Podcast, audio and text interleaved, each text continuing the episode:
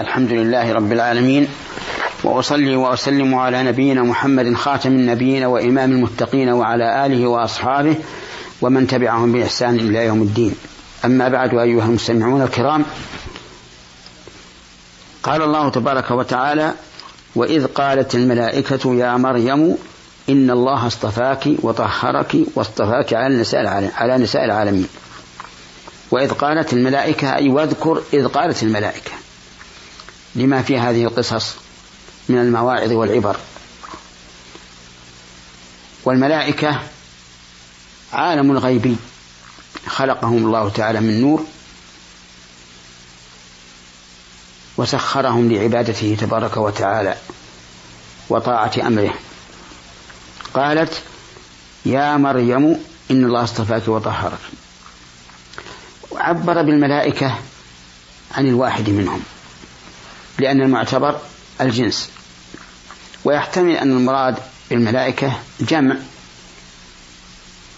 تتوارد هذه البشرى من واحد لآخر. يا مريم إن الله اصطفاك أي اختارك لعبادته وطهرك من الشرك. والأحقاد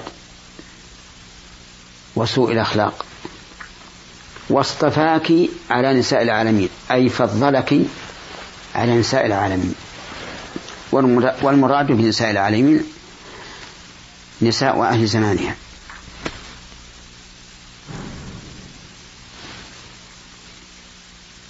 ففي هذه. هذه الآية من الأحكام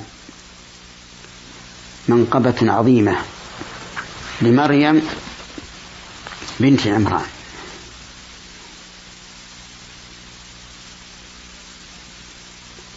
وقد جاء في الحديث عن النبي صلى الله عليه وعلى آله وسلم أنه قال كمل من النساء كمل من الرجال كثير ولم يكمل من النساء إلا آسية امرأة فرعون.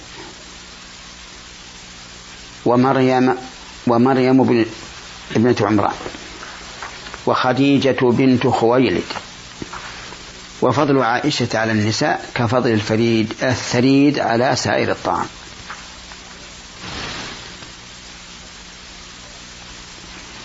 ومن فوائد هذه الآية الكريمة إثبات أن للملائكة قولا. مسموعا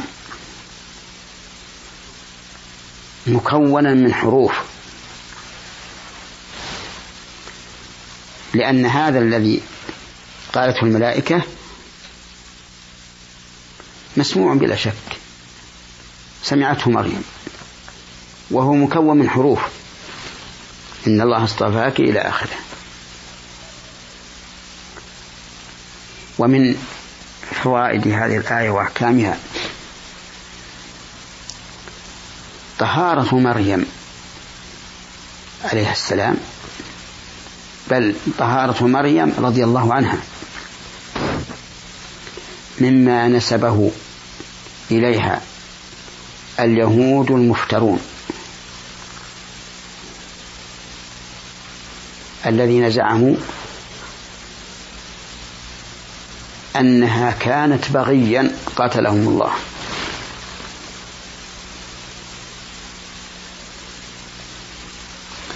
ومن فوائد الآية وأحكامها أن فضل الله تبارك وتعالى لا حصر له.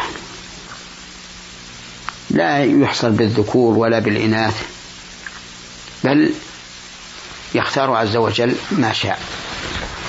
كما قال تعالى وربك يخلق ما يشاء ويختار.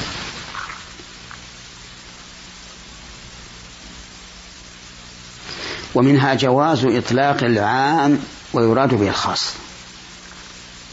لأن قوله على نساء العالمين يعم نساء العالمين في وقتها وبعدها وقبله والمراد نساء العالمين في وقتها. لأن النساء من هذه الأمة يساوين مريم في هذا الاستفاء والفضل كما أشر, أشار إليه الحديث الذي سقناه قبل قليل. ومن فوائدها الآية أن هذه القصة أو هذا هذه المنقبة مهمة. حيث أشاد الله تعالى بها ونوه بذكرها. ثم قال الله عز وجل يا مريم اقنتي لربك واسجدي واركعي مع الراكعين. اقنتي لربك القنوت هو دوام دوام الطاعة مع الخشوع.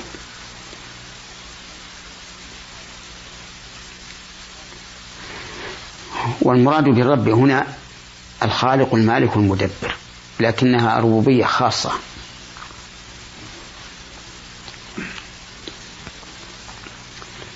واسجدي أي لربك. والسجود. بينه النبي صلى الله عليه وسلم في قوله أمرت أن أسجد على سبعة أعظم على الجبهة وأشار بيده إلى أنفه والكفين والركبتين وأطراف القدمين. واركعي مع الراكعين الركوع أيضا معروف وهو أن يحني الإنسان ظهره تعظيما لله عز وجل.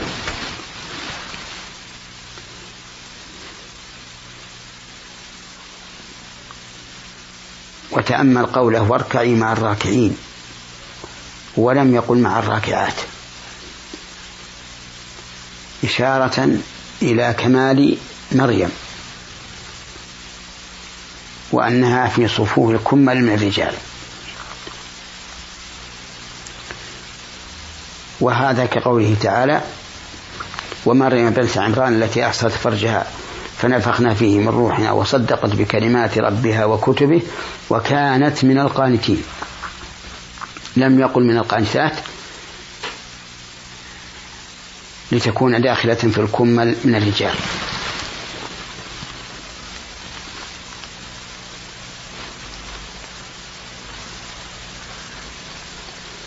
في هذه الآية الكريمة الأمر بالقنوت.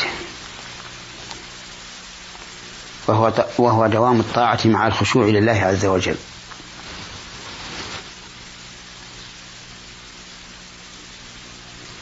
وهو بالنسبة لمريم واضح. وبالنسبة لغيرها وجه الدلالة في هذه الآية أن هذه عبادة أمرت بها امرأة صالحة. فكان المعنى يقتضي أن يكون ذلك عاما لكل أحد. ومن فوائده الإشارة إلى الإخلاص. لقوله لربك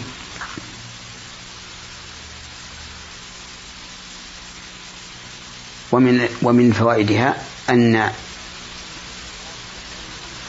الإقرار بالربوبية لله عز وجل يستلزم توحيد الألوهية.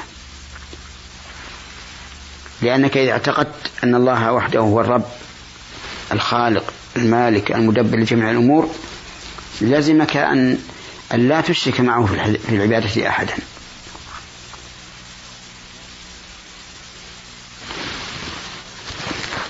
ومن فوائد هذه الآية وحكمها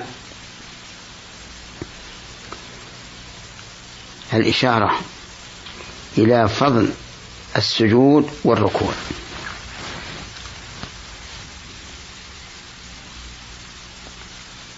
وذلك لأنه خصهما بالذكر.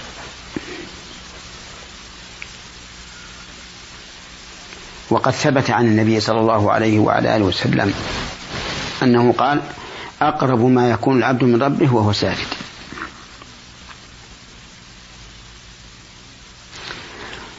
ومن فوائدها وحكمها ذكر ما يكون سببا للنشاط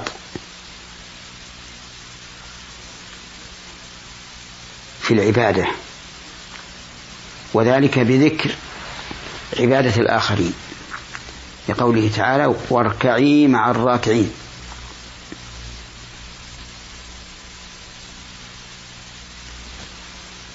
وهذا أمر مجرب أن الإنسان إذا ذكر له شخص متعبد لله عز وجل مؤد لحقوق الله وحقوق عباد الله وطلب أن يكون مثله صار هذا أبلغ في في الحث على فعل هذا. ثم قال الله تبارك وتعالى ذلك من أنباء الغيب نوحيه إليك.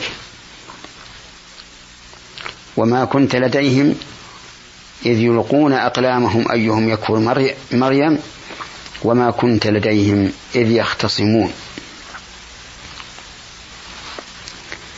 هذه الآية سيكون الكلام عليها إن شاء الله في حلقة قادمة فإلى الحلقة القادمة إن شاء الله تعالى. والسلام عليكم ورحمة الله وبركاته.